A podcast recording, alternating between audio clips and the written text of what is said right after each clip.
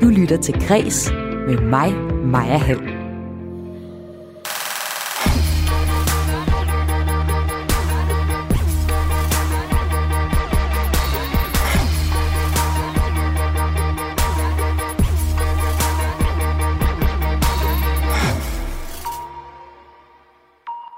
Vi ved godt, at han kan lide en rystet martini.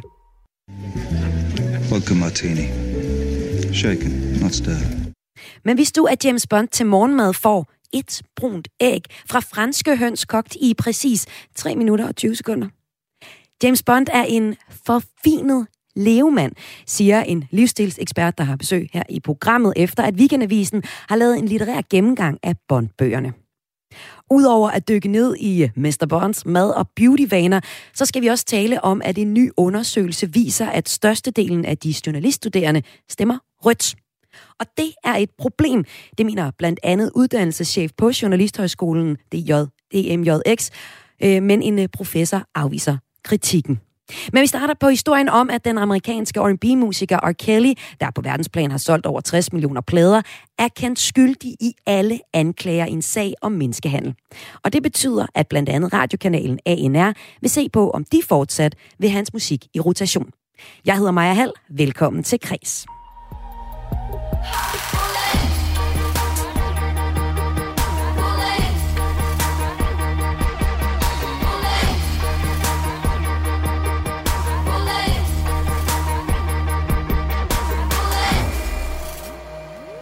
Natten til i dag blev der fældet dom i sagen mod den amerikanske R&B-stjerne R. Kelly, man du måske kender for kæmpe hits som I Believe I Can Fly, eller Ignition, eller Bomb and Grind. Siden hans storhedstid i 90'erne er han øh, blevet dyrket i popkulturen med et vist glemt i øjet, fordi hans musik er sådan ret slæsk, ret fløde. Måske noget, du sådan har, har danset til til et bryllup engang, sådan lidt sidst på aftenen.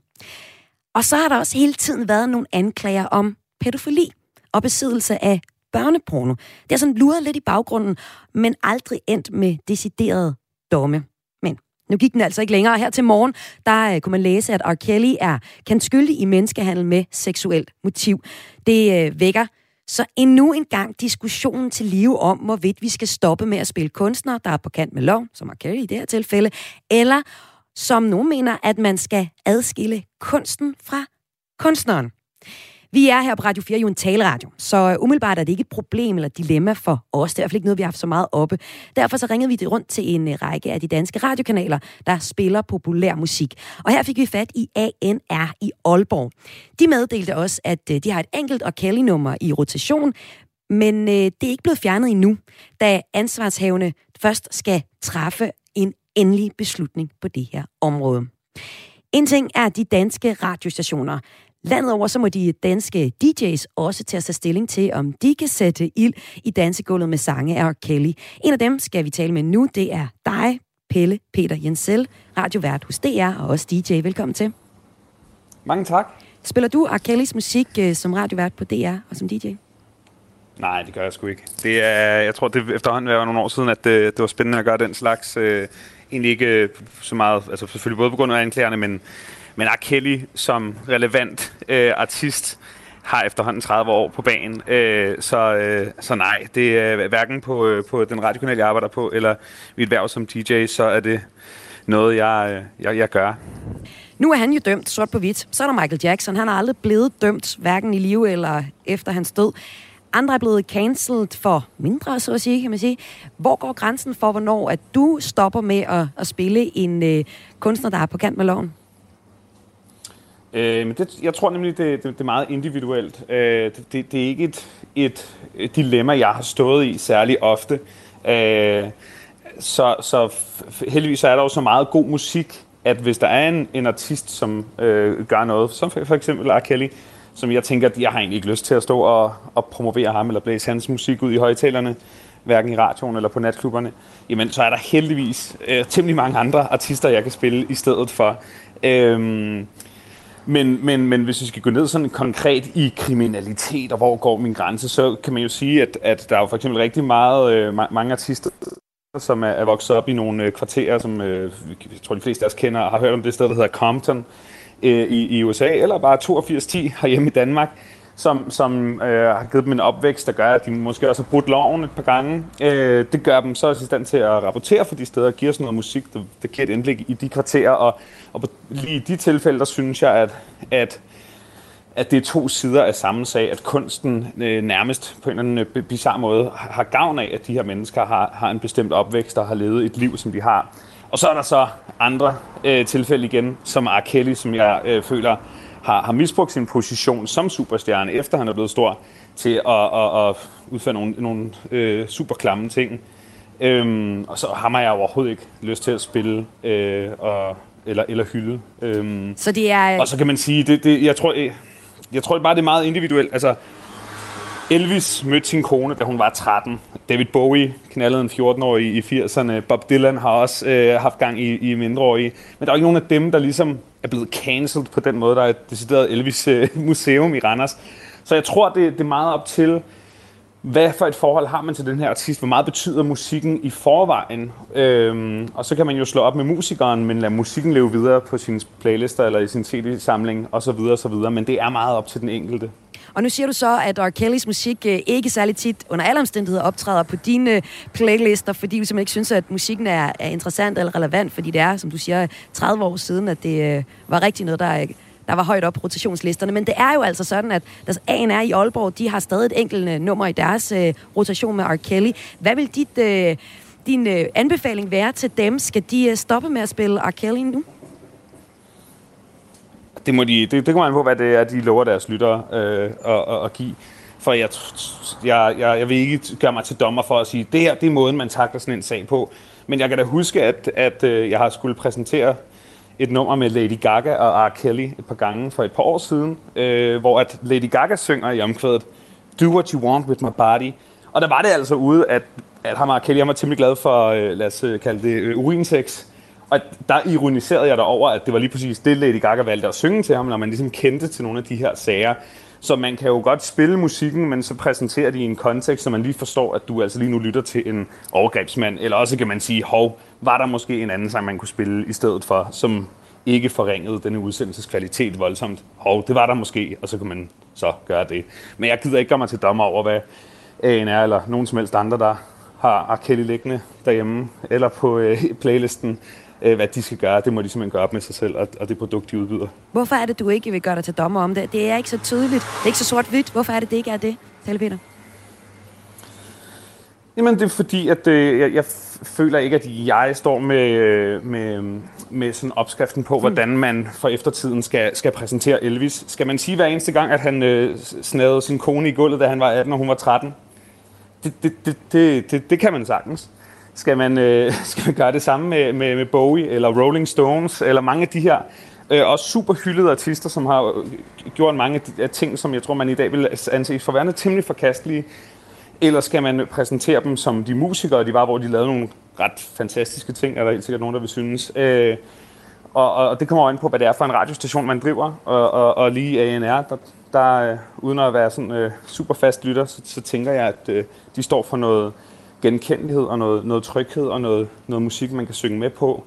Og det er ikke sikkert, at deres lyttere går op i hverken det ene eller det andet. Ligesom at, at man jo også godt ved, at det måske ikke er det bedste i verden at spise kød, men alligevel så er der rigtig mange af os, der gør det hver eneste dag, fordi det kan vi sindssygt godt lide. Og så lever vi måske med den, med at, øh, at, at det ikke er det fedeste i hele verden, eller det moralsk 100% korrekte at gøre. Og igen, så må jeg bare vende tilbage til mit udgangspunkt. Det er super individuelt, hvordan man vil takle sådan en her kunstner, eller det at spise kød, eller det at stemme på Socialdemokratiet, som har en udenrigsminister, øh, som, som hvis der også har fjollet lidt rundt med en 15-årig mod, ja, hvor, på, på en ikke så fed måde.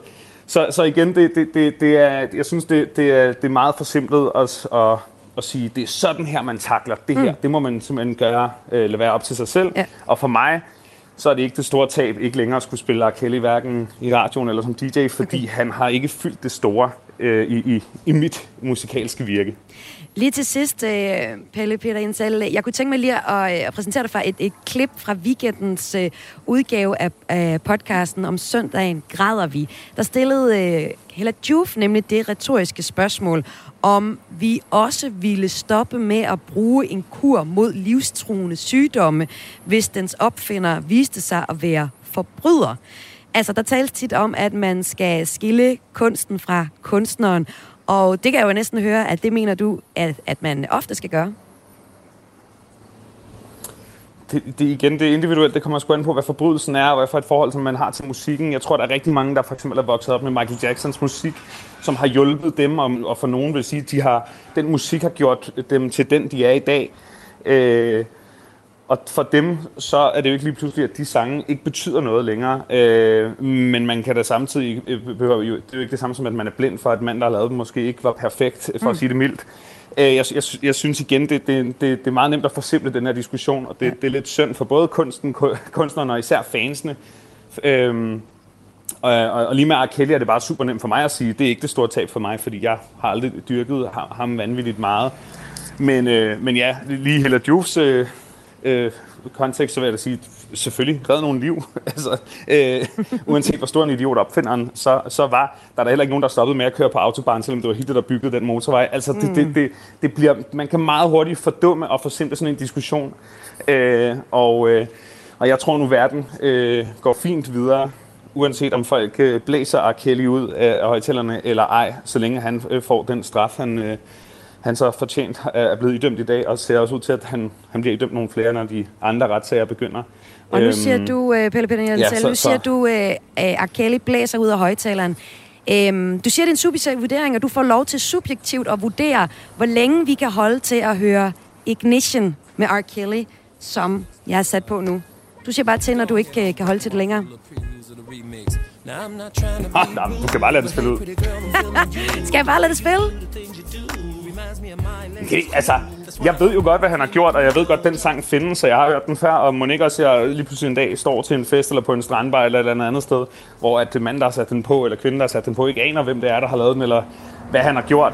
Men han synes fandme, det er en god sang, så lad os lige høre den. Øh, lige så vel som, at jeg tror, der er rigtig mange, der, der lytter til de, nogle af de artister, jeg nævnte før, Bowie, Dylan, Elvis, og beskriver dem som værende de helt store øh, genier, øh, som har ændret verdens musik uden ligesom at, at, at tage nogle af de andre gærninger, de også udførte med i overvejelsen. Og hvis man kan nyde musikken, uden at forholde sig så meget til enten idioten eller geniet bag, så, så, så, så er det man da velsignet. Omvendt, hvis man har et behov for at, at bedømme al kunst ud fra personen, der har lavet det, så, så må det jo være måden, man nyder sin kultur på. Men, men jeg kommer der ikke, jeg sidder der ikke og siger, ej, oh nej, stop da. Oh, det, altså, det, det, er en, det er en sang, og det er en fin popsang, og så er det ikke mere end det. Øh, og den er, øh, altså, igen, R. har jo i mange år været en tåbe, tror jeg, for folk, der har været en lille smule oplyste. Han, han startede med at producere Alias album, da hun var 13, og kaldte det for Aging Nothing But A Number, hvor efter han giftede sig med hende, da hun var 15. Altså, det er jo ikke nyt, det her. Han tissede en 15-årig pige i hovedet, det blev filmet, og han røg øh, i retten for det, men på grund af en juridisk teknikalitet blev han ikke dømt det er jo ikke noget nyt, det her. Så om du spiller den her sang for mig i dag, eller spiller den for mig for en uge siden, så rykker det ikke det store for mig, at han blev dømt i nat. Sag altså her Pelle Peter Jensel, DJ og radiovært på DR. Tak fordi du var med.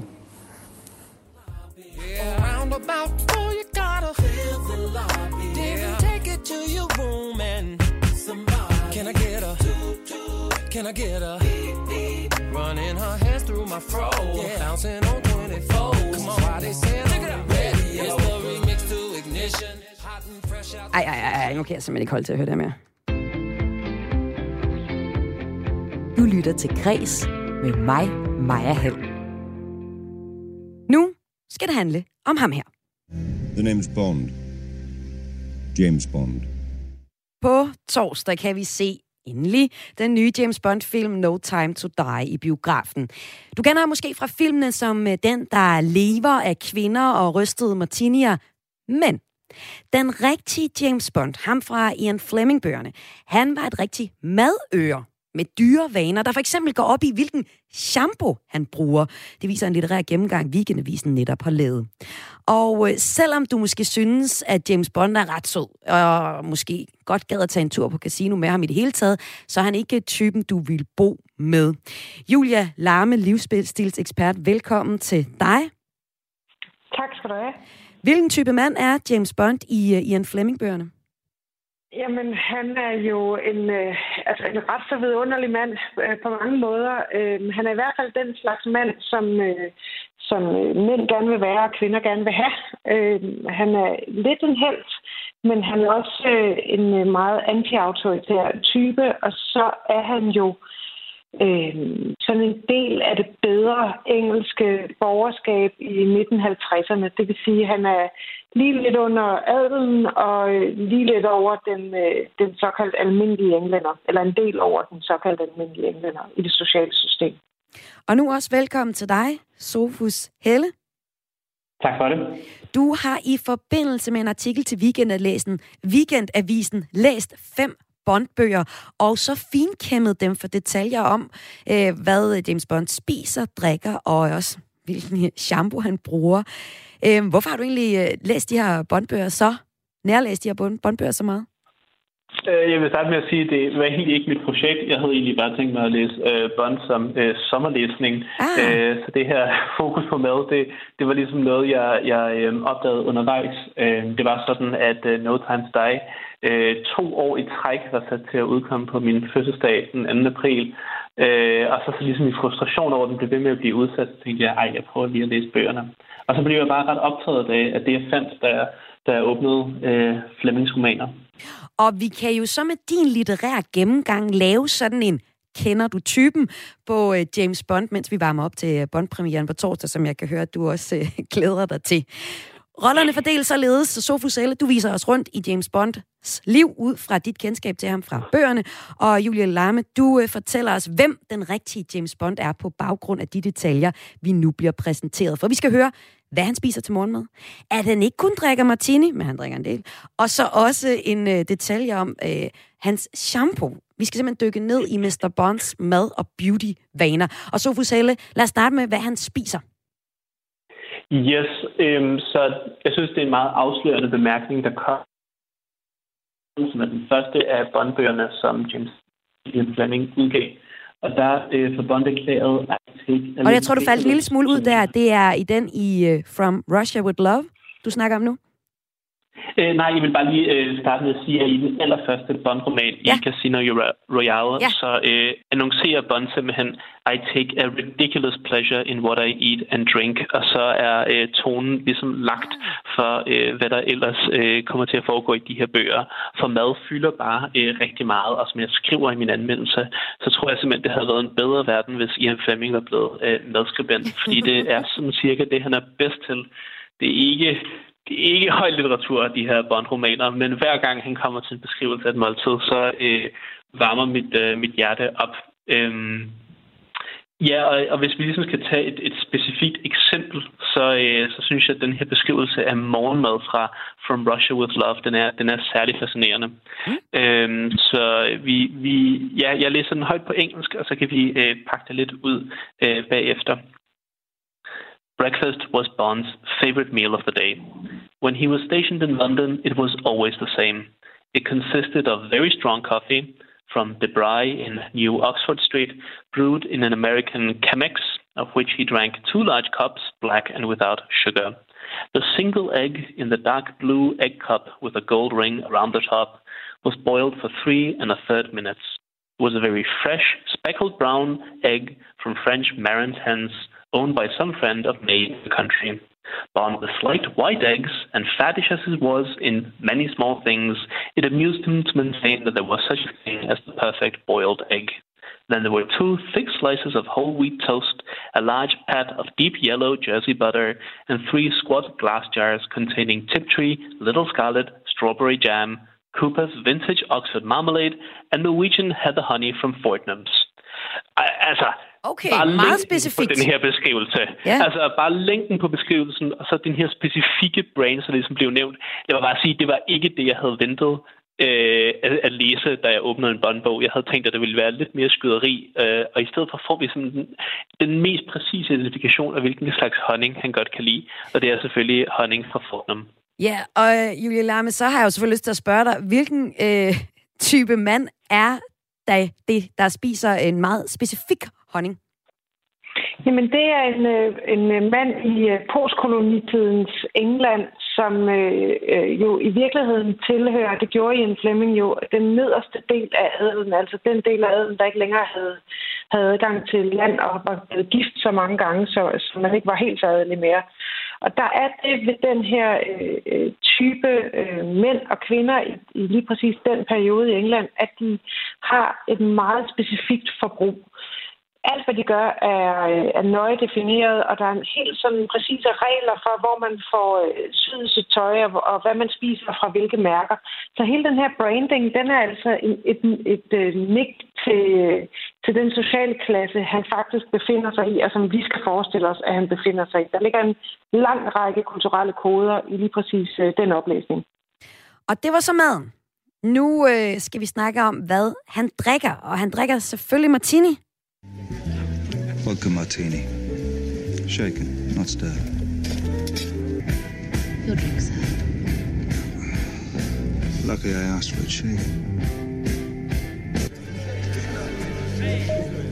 Vodka martini. Shaken or stirred. Do I look like I give a damn? Men Sofuselle, bøgerne afslører også, at han drikker champagne, og det er jo faktisk det, han drikker mest. Og rigtig meget af det også. Ja, det må man sige. Øhm, hvad hedder det? Det er, det er selvfølgelig ikke en hvilken som champagne. Øh, endnu en gang, der, der tegner sig et mønster, er det en, et specifik øh, årgang øh, og en specifik slags champagne, og alle de detaljer, de gik fuldstændig overhovedet på mig. Det må jeg, det må jeg indrømme. Øh, derudover drikker han Scotch and Soda, Vodka Tonic, Americanos, Old Fashions øh, osv. osv. Han drikker meget. Jeg havde, før jeg, gik, i, ja, før jeg gik i gang med at læse de her bøger, så havde jeg læst på internettet, at der ligesom er en druklej, som går ud på, at øh, bare at tage en slurk hver gang Bond tager en drink. Og jeg tror, at hvis jeg havde gjort det, så var jeg kommet til udpumpning. Han drikker simpelthen så sindssygt meget i de her bøger. Og det er så, hvad han drikker. Øh, jeg kunne også lige tænke mig at høre dig. Øh, I bogen On Her Majesty's Service, øh, Secret Service, der får vi også at vide, hvad skal man sige, James Bonds beauty-rutine. Og her kommer vi ind på en, øh, hvad, hvordan han vasker sit hår også. Sofus, prøv lige at fortælle os det helt, helt kort, inden vi runder den her af. Ja, det, det er nemlig rigtigt, og det, og det er sådan en, en spændende bemærkning, som jeg synes siger rigtig meget om, hvad det er for en slags bog, det her. Øh, vi får nemlig at vide, at Bond vasker sit hår with Pinot Elixir, that prince among shampoos.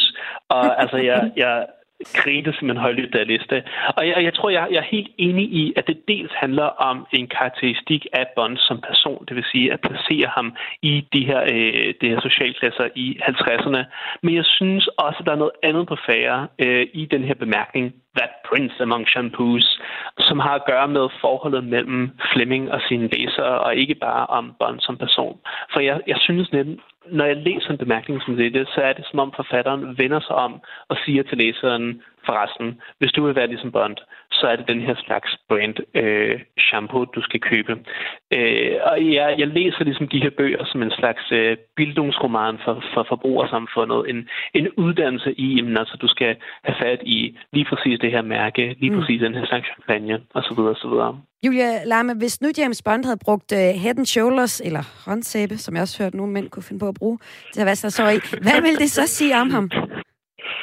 Jamen, øh, så vil han jo ikke helt være Bond. Altså, Bond er virkelig også defineret gennem sit forbrug, men vi har jo set det mange gange gennem kulturhistorien, det her. Det er jo ikke så meget anderledes, end, øh, end hvad der sker i øh, Sex and the City, øh, hvor vi jo bliver introduceret for skomærker, vi ikke kan leve uden, hvis mm. vi vil være ligesom New York-tjekket som de fire damer i den serie. Så der er en, en meget stor del af litteraturen, øh, altså i livsstilslitteraturen og i, øh, i livsstilsfjernsynet og filmene, som i høj grad handler om, hvor let vi kan få adgang til den livsstil. Og det er jo faktisk også noget af det, der gør det rigtig sjovt, fordi identifikationen stiger med det. Og vi ligegyldigt, hvor, hvor økoaktive vi alle sammen gerne vil være, så er vi jo, øh, mennesket er jo blandt andet blandt meget andet defineret gennem sit forbrug. Og Julia Lamme, lige allersidst, nu er bøgerne her jo fra 50'erne. Hvad spiser den øh, sofistikerede levemand, som du øh, også kalder ham, i, i dag? Jamen, øh, den sofistikerede levemand øh, i dag vil naturligvis forholde sig til sin omverden og spise øh, øh vegetarisk eller vegansk endda. Men Bond er bare ikke øh, Han er ikke noget der til, vel? nok. Nej. Nej, altså så hvis vi leder efter ham i dag, så vil han stadigvæk insistere på kød og østers og øh, drikke lige så mange øh, cocktails, som protokollerne ved det britiske hof øh, det faktisk foreskriver, man gør, Ja. som han også gør i bøgerne og i filmene. Tusind tak for, at I var med, Sofie Selle, Ph.D. i litteraturhistorie og skribent på Weekendavisen, og også tak til livsstilsekspert Julia Lamme. Tak. Tak for det. Du lytter til Græs med mig, Maja Hall. Det er de røde lejesvende, der skriver i din morgenavis, leverer din øh, breaking bjælke, bjælke i din frokostpause på nettet og står som vært i nyhedsprogrammerne om aftenen. Eller, det kan det i hvert fald blive. For størstedelen af de journaliststuderende stemmer enten på enhedslisten eller på radikale venstre. Det viser en ny undersøgelse fra Danmarks Medie- og Journalisthøjskole, som det borgerlige netmedie Kontrast har fået indsigt i. Undersøgelsen viser, at knap med færre, 24 procent af de studerende vil stemme på enhedslisten, og at kun lidt over en femtedel vil stemme på et blåt parti. Og det er et problem, mener mine næste to gæster. Den øh, første gæst her i Græs, det er dig, Mikkel Andersen, chefredaktør på Kontrast. Velkommen til. Tak for det. Det er dit øh, selverklærede borgerlige medie Kontrast, der har bragt den her artikel, hvor I øh, fremlægger den her undersøgelse fra Danmark Medie- og Journalisthøjskole. Hvorfor er det vigtigt, hvad journalister stemmer?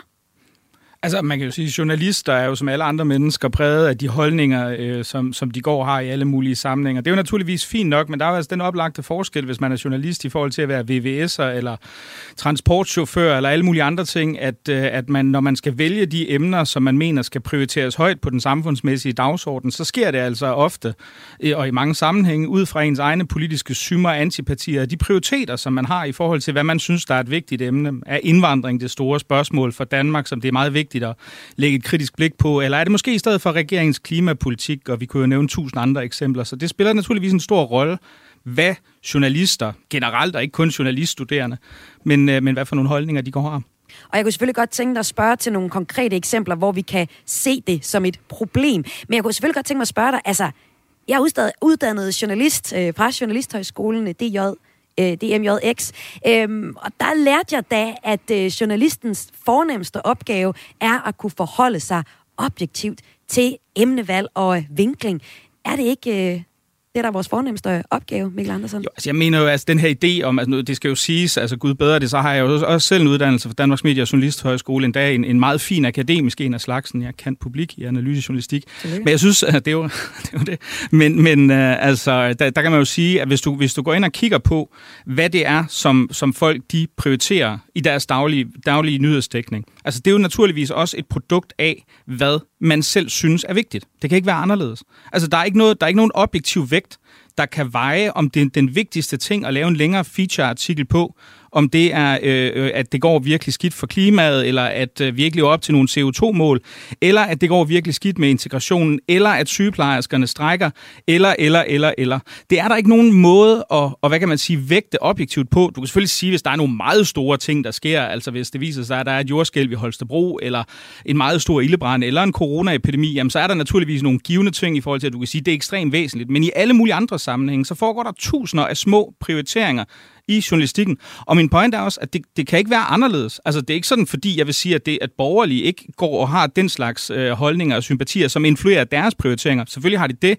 Man kan sige, problemet er bare her, at det er så en massiv politisk sådan ensretning til venstre for midten, som, det, som, altså, som vi ser komme til udtryk her i, øh, på, på Journalisthøjskolen. Og nu kan jeg så godt tænke mig øh, eksemplerne. Prøv lige at give mig nogle, et, altså et konkret eksempel på en historie, som du mener ligger til venstre for midten. Altså, jeg synes generelt dækningen af for eksempel de syriensfrivillige, det har jeg skrevet om flere gange. Øh, altså de her øh, kvinder, der har meldt sig til øh, islamisk stat, det synes jeg er voldsomt politisk skævvredet. Altså jeg synes, de bliver dækket som om de er ofre, hvor man kan sige, set fra mit perspektiv, så mener jeg jo, at det er mennesker, der har tilsluttet sig et folkedrabsregime og gjort sig skyldige i noget, der ligner de facto landsforræderi. Størstedelen af dansk presse, inklusive et helt parodisk interview i politikken, hvor, hvor det handler om en af de her kvinders, øh, hvad det hedder, øh, kat, der hedder Ole, så vidt jeg husker. De udstiller dem som en slags ofre, som det er relativt synd for. Det Men kan man godt, det kan så- man godt ja. gøre. Nej, jeg ved naturligvis ikke. Jeg kan jo ikke se ind i hovedet på folk, hvis det er det, der er dit spørgsmål. Nej, jeg kan selvfølgelig ikke sige med sikkerhed, at det er, fordi de er venstreorienterede. Jeg kan bare sige, at det er, der er en pussy korrelation, som jo ikke er det samme som kausalitet, mm. mellem det, at der ser ud til at være frygtelig mange journalister, og ikke kun journaliststuderende, der stemmer rødt, og så vinkler i medierne, der flugter med, hvad vi kan kalde en generelt til venstre for midten verdensopfattelse. Nu ligger den her undersøgelse, den tager udgangspunkt i 1246 helt præcist journaliststuderende fra anden og tredje semester. Du konkluderer jo så ud fra den her undersøgelse, at det er et generelt problem i nej, hele ikke ud fra branchen. den, ikke, ikke ud fra den undersøgelse. Altså, de Fra tal, egne op- oplevelser. Nej, nej, altså, altså nej, heller ikke egen oplevelse. Nej, altså der er lavet en undersøgelse, den nyeste vi har af danske journalister, den er fra 2012. Den blev lavet i de tre skandinaviske lande, og det var et, et repræsentativt udsnit af Journalistforbundets medlemmer, der viste sig, at 80 procent af danske journalister stemte til, til venstre for midten. Vi kan jo ikke se de samme tal i forhold til politisk bias, repr- altså reproduceret på forskellige andre journalistuddannelser også. Jeg mener, Syddansk har lavet noget tilsvarende på et, tid, på, på et tidligere tidspunkt. Så det er ikke noget, der er sådan en enkeltstående ting, som vi konkluderer på baggrund af. Det er et generelt billede, det her.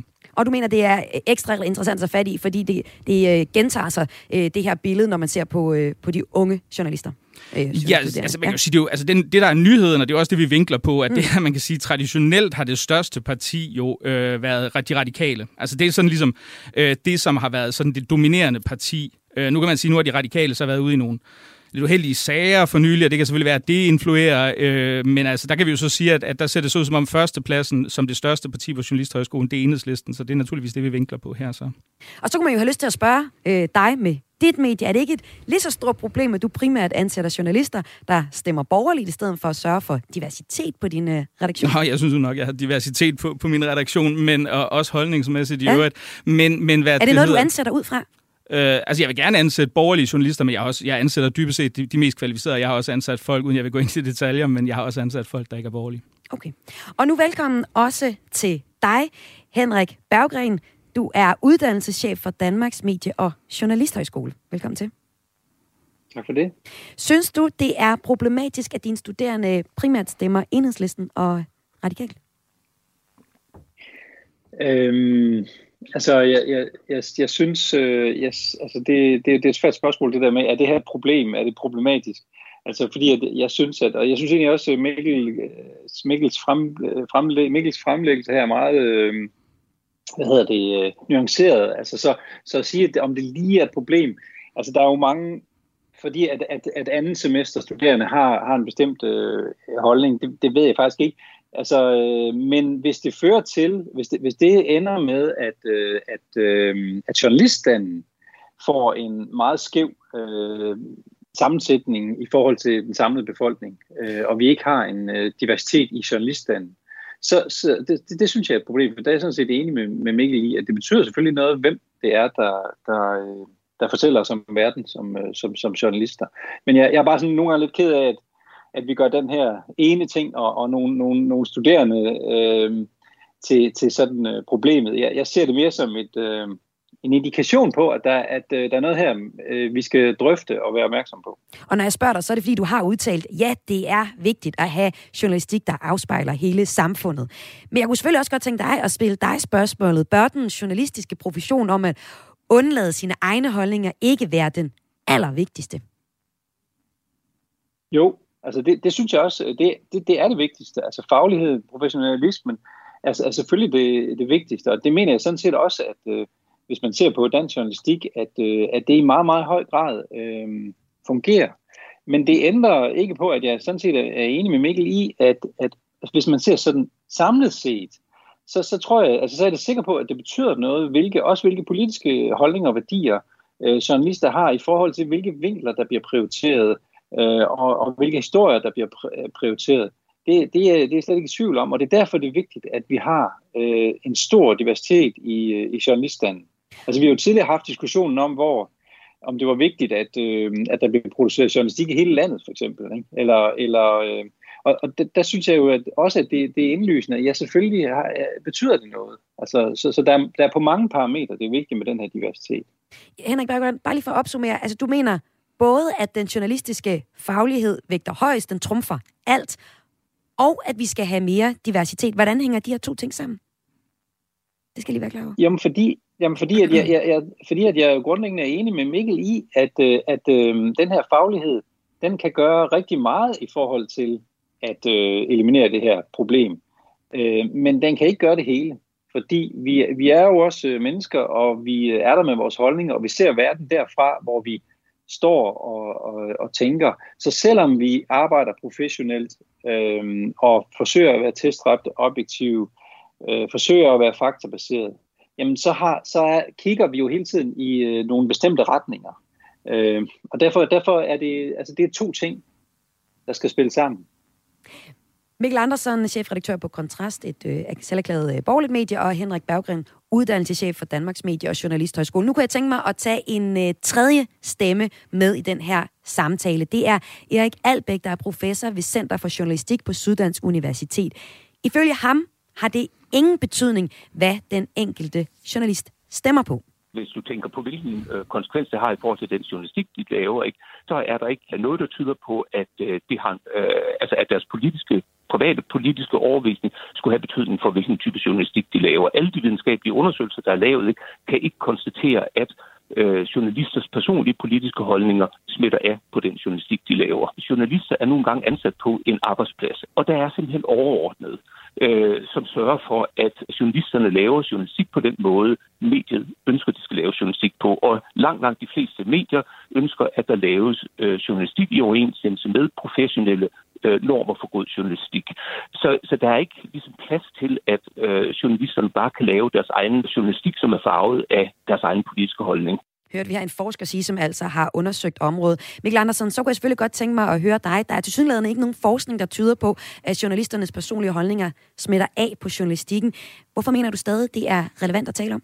Altså, den forskning vil jeg da meget, meget gerne se. Jeg synes, jeg har beskæftiget mig med det her emne i nogen tid. Jeg synes ikke, man kan afvise det så kategorisk, men jeg synes jo heller ikke, det adresserer de her ting. Jeg synes også, det er et lidt naivt synspunkt. Altså, fordi, men det er jo ikke synspunkt, med... det er jo forskning, som han... Oh, trods ja, de fine uddannelser, så er det jo ham, der er forskeren, øh, altså arbejder ja, med ja, det. Har vil jeg måske også sige, at man har måske også en enkelt gang eller to oplevet øh, noget så eksotisk som politiserende forskere. Endda også nogen, der er det til fordel for venstrefløjen. Det vil jeg ikke sige, om man er.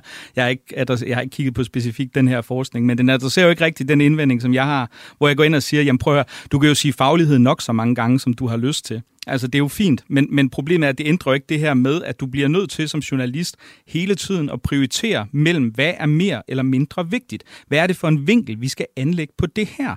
Og hvis jeg skal gå ind og identificere, hvad jeg synes, der er det vigtigste problem i en eller anden sammenhæng, så er det naturligvis farvet af min verdensopfattelse i alle mulige hensener. Er klimaet et meget stort, øh, stort øh, problem? Er udkants Danmark, altså de udfordringer, man har der, er det et meget stort problem? Ikke? Vi kunne nævne for eksempel, nu for at tage udkants Danmark, en af de ting, som danske journalister journalister, de har pisket sig med brændeller over, jeg ved ikke hvor mange år, jamen det er jo det her med, at man fuldstændig overså, hvor stort Dansk Folkeparti vil blive ved valget i 2015. Og det giver jo god mening, at journalister faktisk overså det, fordi ikke alene er man sådan typisk overhovedet ikke for journalist, øh, i journalistkredsen, nogen, der stemmer på Dansk Folkeparti, eller nogen større forståelse for partiet, men også nogen, der alle sammen bor, eller ikke alle sammen, men en meget markant overrepræsentation bor på øh, i de større byer. Så det betyder, at du kommer til at have nogle blinde faktorer, nogle blinde vinkler i forhold til det, som du prioriterer i din journalistiske dækning. Når der bor flere journalister på Absalonsgade på Vesterbro, end der bor i hele Vesthimmerlands Kommune, så kommer det naturligvis til at præge de medier, som, som man læser, og det, der bliver skrevet i dem. Altså, det synes jeg er et, et relativt indlysende synspunkt for de fleste. Og igen, min point er jo ikke, at der er noget illegitimt i det. Det mener jeg ikke, der er. Jeg synes bare, problemet er bare, at det får en kumulativ effekt. Når alle journalister, eller ikke alle journalister, men når der er en massiv overrepræsentation af folk, der ligger inden for det samme politiske spektrum, så kommer du til at se en farvning af det generelle nyhedsbillede, der trækker i den retning. Jeg er ikke i tvivl om, hvor øh, Mikkel Andersen står, men Henrik Berggren, har øh, Erik Albæks perspektiver ændret dit syn på øh, sagen, altså forskeren, vi lige hørte her? Nej, det har det ikke. Altså, jeg kender godt uh, i hvert fald noget af den forskning, og noget af den forskning, jeg Hjalbæk selv har lavet, som, som jo absolut ikke fejler noget.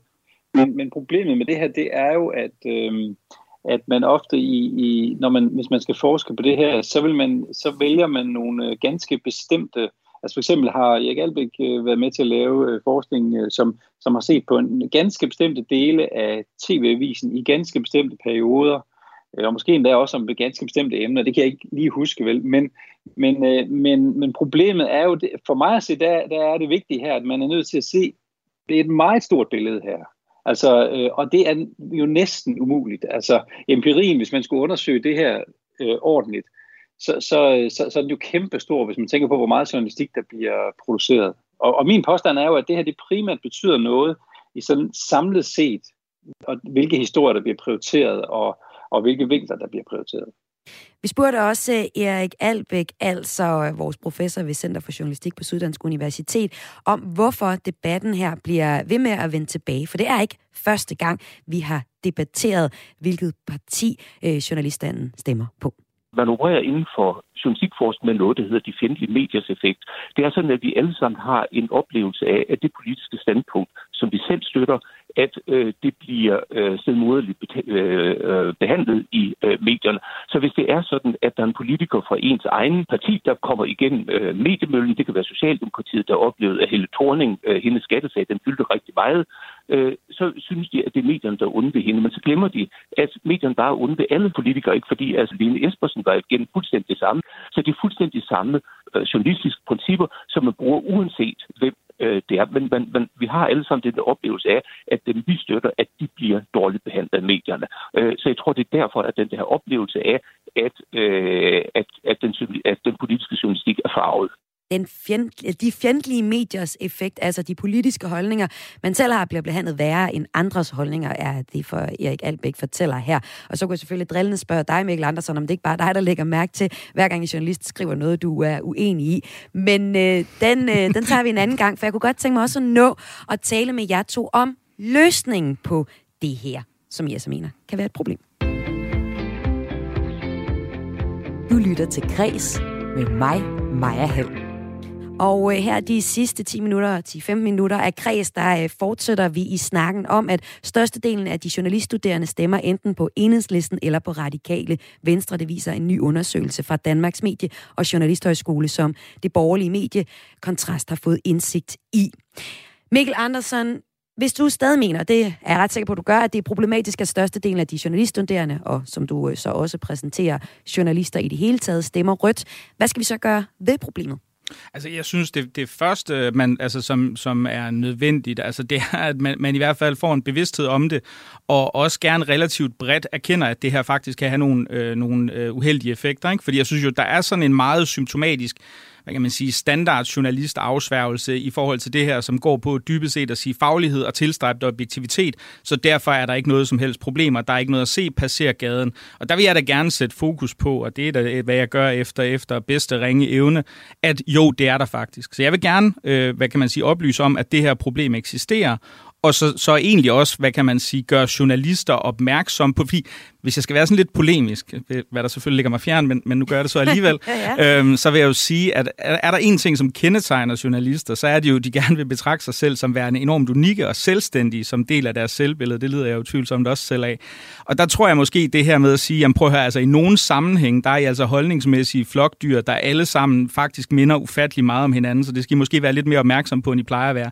Det vil være en god start. Altså jeg er jo ikke en af dem, der går ind for, at øh, man på nogen måde skal indføre kvoteordninger. Jeg synes, det at kopiere venstrefløjens dårlige løsninger vi, vi, vi naturligvis være ekstremt Men hvad skal vi så gøre ved problemet, Mikkel Andersen? Jamen altså, jeg synes det her med netop at gøre opmærksom på det, som jeg jo så selv er i gang med, og så synes jeg måske, hvis man lige skulle kigge på Journalisthøjskolen, fordi primært vil jeg egentlig gerne rette en kritik, og jeg vil også mene, at der skal være en selvrensagelse blandt borgerlige, fordi det er selvfølgelig ikke et problem for en venstreorienteret, der kommer ind på Journalisthøjskolen, at der ikke er borgerlige, der søger ind. Det er jo borgerliges problemer. Der kunne jeg måske godt sidde og tænke, måske skulle man overveje for nogle flere borgerlige, de, de begyndte at læse journalistik. Det vil da være et meget, i stedet for måske at gå i retning af økonomi eller jura, eller hvad det nu ellers er. Så det var da et fint sted at starte, og det synes jeg er en, er en reel selvrensagelse, som man også skal have som borgerlig. man kan ikke blive rig af at være journalist. Oh, well, det kommer kom an på, hvor man er. Men jeg, men jeg har en tilføjelse til, jeg vil godt lige sige en ting, og det synes jeg måske, man skal ja. være opmærksom på. Ja.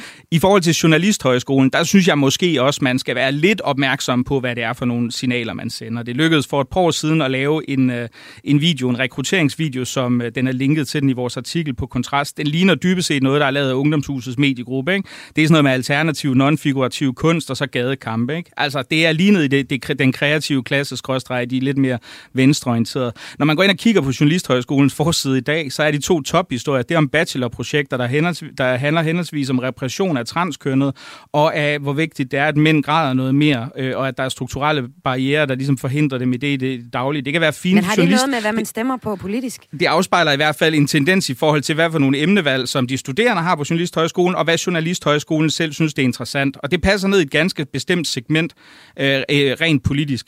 Og der synes jeg måske, man skal være lidt opmærksom på, hvad det er, hvis man i hvert fald gerne vil hylde den ellers øh, ofte så berømmede mangfoldighed. Der tror jeg måske, at Journalisthøjskolen skal være lidt opmærksom på, hvad for nogle signaler man udsender, øh, via sådan rent øh, sådan overordnet sige. Og Henrik Berggren, nu er jeg sikker på, at du er i gang med at spare op til et godt svar her på det. Men inden da, så skal jeg selvfølgelig, jeg skal simpelthen lige spørge dig, Mikkel Andersen, er det egentlig så overraskende, at unge mennesker stemmer rødt? Altså, de skal jo nok ændre sig med tiden. Så bliver det jo mere på midten. Ja, jamen, jeg var også rød, dengang, dengang jeg var ung, og Var det, gik, det? det gik derover. Ja, du gud, gud. Jeg har slet jeg, uh, jeg kan fortælle om, jeg, jeg var med i en gruppe, der hed, øh, eller nej, jeg hang ud med en gruppe, der hed Internationale Socialister. ved jeg blev aldrig medlem, sig. så, Så ja, det gør godt- det, det ja. gør det, men til synligheden ikke så meget, end at, end at 80 procent af danske journalister, i hvert fald i de nyeste tal, som vi har, de stadigvæk stemmer til venstre for midten. Og hvor så, er det, de tal kommer fra? Bare lige så vi har de kommer, fra, de kommer fra en, øh, en pan-skandinavisk undersøgelse. Det er et repræsentativt udsnit af Journalistforbundets medlemmer i de tre skandinaviske lande, hvor der så er cirka 500-600, der er blevet spurgt om det her i Danmark. De er, altså, de er rapporteret i 2012 i Journalisten, i Danmarks Radio og forskellige andre ting. Der er ikke noget kontroversielt ved de tal, og enhver kan tjekke dem efter. Og det var så tid nok, eller i hvert fald den tid, du fik, Henrik Berggren, til at svare på spørgsmålet. Hvordan vil du sørge for, at der er kommer mere diversitet blandt dine studerende på Journalisthøjskolen DMJX? Jamen, det, det er vi sådan set øh, i gang med at se på. Det var vi i gang med at se på øh, længe før, før, øh, før, før den her øh, historie kom op. Øh, og, og, vi, og vi, er, vi er sådan en, hvad kan man sige, en udforskende fase, øh, og for at finde ud af, hvor er udfordringerne, og, og, øh, og så derefter, hvad kan vi så gøre ved dem. Øh, og så, så derfor kan jeg ikke sige nu, hvad vi kan og vil gøre, men jeg kan, jeg, jeg, jeg kan godt berolige øh, også øh, Mikkel med, at øh, kvoter og sådan noget, det tænker jeg også er en rigtig dårlig idé. Men, men jeg tror da, at øh, han peger på noget af det rigtige øh, i, at øh, altså kommunikation omkring uddannelsen. Øh, og, Altså øh, reklamevideoen der her, måske- som øh, Mikkel øh, henviser til, for Ja, eksempel. reklamevideoen, den er jeg selvfølgelig lidt øh, ked af, at han lige tager op, fordi øh, den var, øh, den, jeg, tror, jeg tror skolen selv allerede, øh, altså den blev stoppet efter ganske få dage, og jeg tror skolen erkendte, at det var et fejlskud, øh, lidt af de samme grunde her, så den, den var jo, øh, ja, så den tror jeg ikke bliver gentaget. Men, men, men jeg synes egentlig, de, det han nævner med de eksempler på, øh, på historier, vi, vi, øh, eller opgaver, vi præsenterer, fordi de er jo, de er jo, altså, de er jo helt sikkert valgt ud fra øh, ja, en hel masse andre, både praktiske, men også øh, faglige kriterier. Ikke? Men, men, øh, men, men i det hele taget at se på kommunikationen, det tror jeg er en god idé. Hvad, med Øh, optagelsesprøven? også- Der er en optagelsesprøve, Jo, hvis man skal næste, søge ind på også, den DMJX. igennem. Ja. Fordi, fordi den, den justerer vi jo hele tiden på, og, og vi tror jo sådan set på, at vi laver en prøve, der, der øh, hvad kan man sige, stiller alle lige, så at sige. Ikke? Øh, men øh, det kan da godt være, at vi er endt med at lave en prøve, der øh, især henvender sig til en ganske bestemt øh, del af befolkningen. Det, det, øh, det tænker jeg, det, det, er jo, det er jo noget af det, vi kan... Det, det er da ret sikker på, noget af det, vi kommer til at, øh, at kigge på. Men, Men det er jo så på, på, en, på en skala, hvor man kan bede folk om at, at krydse af, hvor de stemmer politisk, og så til at sige, øh, hvilke sociale forhold man har, eller hvilken baggrund, eller hvad skal man sige, hvad ens forældre laver. Hvor, hvor ligger vi så henne på, hvordan du vil ændre på optagelsesprøven? Jamen det, sådan noget skal vi jo slet ikke ind i, tænker jeg. Det, Okay, det, hvor, det hvor, slet ikke hvad, hvad så? det- Hvad gør man så? Nej, nej, nej, nej, nu tænker jeg bare på, at øh, lad, altså, det her det er jo som sagt, det er jo ren, øh, det her det er jo ren spekulation, men lad os nu sige, at vi faktisk har lavet en prøve, som først og fremmest egner sig rigtig, rigtig godt til, øh, til unge mennesker fra en bestemt samfundsklasse, der, øh, der også øh, både har råd til og lyst til at gå på optagelseskurser til journalistuddannelser. Øh, altså, så, skulle vi, så kunne det jo godt være, at man kunne justere den prøve øh, på en eller anden måde, så den appellerede til nogle andre. Øh, Mikkel Andersen, men lad os lige komme ind. Du er en mand af fuld af gode idéer, øh, også chefredaktør på Kontrast. Øh, hvad, hvad, kunne der, hvad kunne der være på den her optagelsesprøve for, at man fik et, øh, nogle forskellige typer journalister ind på Journalisthøjskolen? jeg ved det ikke, jeg, altså, det, det ved jeg ikke. Altså, det, det, det kan jeg kun, jeg kan, det vil kun være et eller andet fjollet forslag om, at- om Jamen, vi har til læst fjollede en, forslag. en rant ja. eller, øh, eller øh, forskellige andre ting. Det, nej, øh, det, det, det ved jeg simpelthen ikke. Altså, jeg mener jo dybest set, at det er fint, at Journalisthøjskolens optagelsesprøve er meritokratisk. Altså, det synes jeg, den skal være, og jeg synes jo også, det er fint, at Journalisthøjskolen, som et af de få uddannelser i Danmark, at det faktisk er et sted, der, der er åbent for folk uden alle mulige former for, for adgangsbeviser, i hvert fald i forhold til professionsbacheloruddannelsen. Og nu så, har jeg så kun læst en professionsbachelor på DMJX. Hvad betyder metrokratisk? At det betyder, at det er baseret på, øh, hvad for nogle kompetencer, du kan demonstrere i den konkrete mm. optagelsessituation. Hvor god er du til at løse nogle specifikke opgaver? Altså nu har jeg jo ikke, øh, øh jeg har jo ikke været igennem optagelsesprøven, så jeg kender den jo øh, heldigvis. Den er, jeg har hørt, den er super svær. Øh, altså, så jeg kender den kun udefra. Jeg ved ikke, om, om der er nogle ting, der måske prioriterer folk fra, eller der giver folk fra meget boglige hjem en fordel. Mm. Men på den anden side kan man jo også sige, altså det er jo trods alt et, et sted, hvor du kommer til at beskæftige sig med det skrevne medie, så det er jo lidt svært at undgå, at du får en eller anden bias, eller altså i forhold til folk, der behersker det skrevne sprog godt. Så jeg kan ikke, jeg kan ikke sidde og komme, og jeg vil heller ikke mene, at du skal lave sådan en eller anden, altså på en, på en skala fra 1 til 10, hvor godt kan du så lige Pia Kærsgaard-agtig øh, vurdering, og så sørge for, at, at det tæller med i den samlede vurdering. Det synes jeg vil være ret uheldigt og, og også dumt. Det vil være at kopiere nogle af de øh, sådan, altså, øh, løsninger, som man, man øh, ellers går og roder med på venstrefløjen, og som jeg ikke er nogen stor fan af. I må øh, i tænkeboks måske nok mest øh, ja, Henrik Berggren, men jeg kan jo høre, at det er allerede noget, I kigger på hos DMJX, altså øh, journalistuddannelsen. Tak fordi du var med her, uddannelseschef på uddannelsen. Ja. Og også tak til dig, Mikkel Andersen, chefredaktør på Kontrast. Tak fordi jeg måtte være med. Og øh, med de øh, ord og den samtale om de øh, røde lejsværne, som journalister nogle gange er blevet øh, kaldt, så er Græs ved at være færdig for i dag. Jeg slutter på et nummer med Lars H.U.G., eller det er ham, der står for sang og musik. Lyrikken, den kommer fra Søren Ulrik Thomsen. Det er nemlig i år 40 år siden Søren Ulrik Thomsen debuterede med på øh, digtsamlingen City Slang. Det betyder selvfølgelig, at der kommer en øh, jubilæumsudgave af digtsamlingen, men... Øh, og den her digtsamling, eller ikke men, og den her digtsamling, den udkom i øh, 1981, og gav simpelthen Søren Ulrik Thomsen et øh, litterært gennembrud. Men det var så simpelthen Lars H.G., der øh, gav det folkelige gennembrud. Og altså også ham, vi øh, skal høre hans udgave af øh, nummeret Afsked her. Han satte nemlig musik til Søren Ulrik Thomsens øh, digte på øh, City Slang. Og øh, det er egentlig et ganske øh, kort digt, som øh, vi kan høre Lars H.G. recitere lige om lidt hen over musikken. Og øh, ej, ved I hvad? I skal bare øh, lytte til musikken og nyde det. Jeg vil sige tusind tak, fordi du lyttede med her i øh, dag. Mit navn er Maja Hall, og jeg har været din vært den øh, sidste times tid. Programmet her kom i hus med hjælp fra Lene Grønborg og Laura Lien Dueholm og Tjelle Vejrup og Christian Stolberg.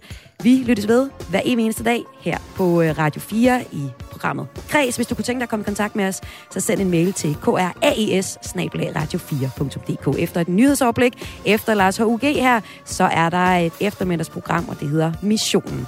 Men nu stopper jeg med at snakke, så vi kan få lov til at høre Lars H.U.G.'s ord, hvor han synger her Søren Ulrik Thomsens øh, digt Afsked.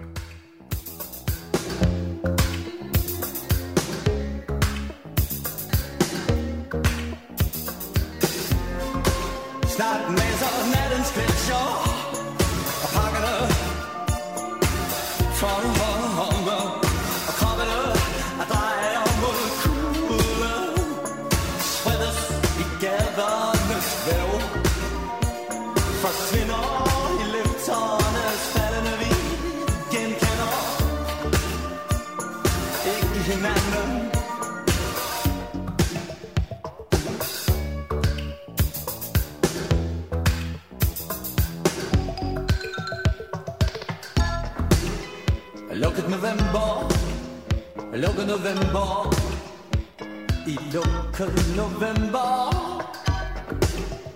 Local November, local November, i local November.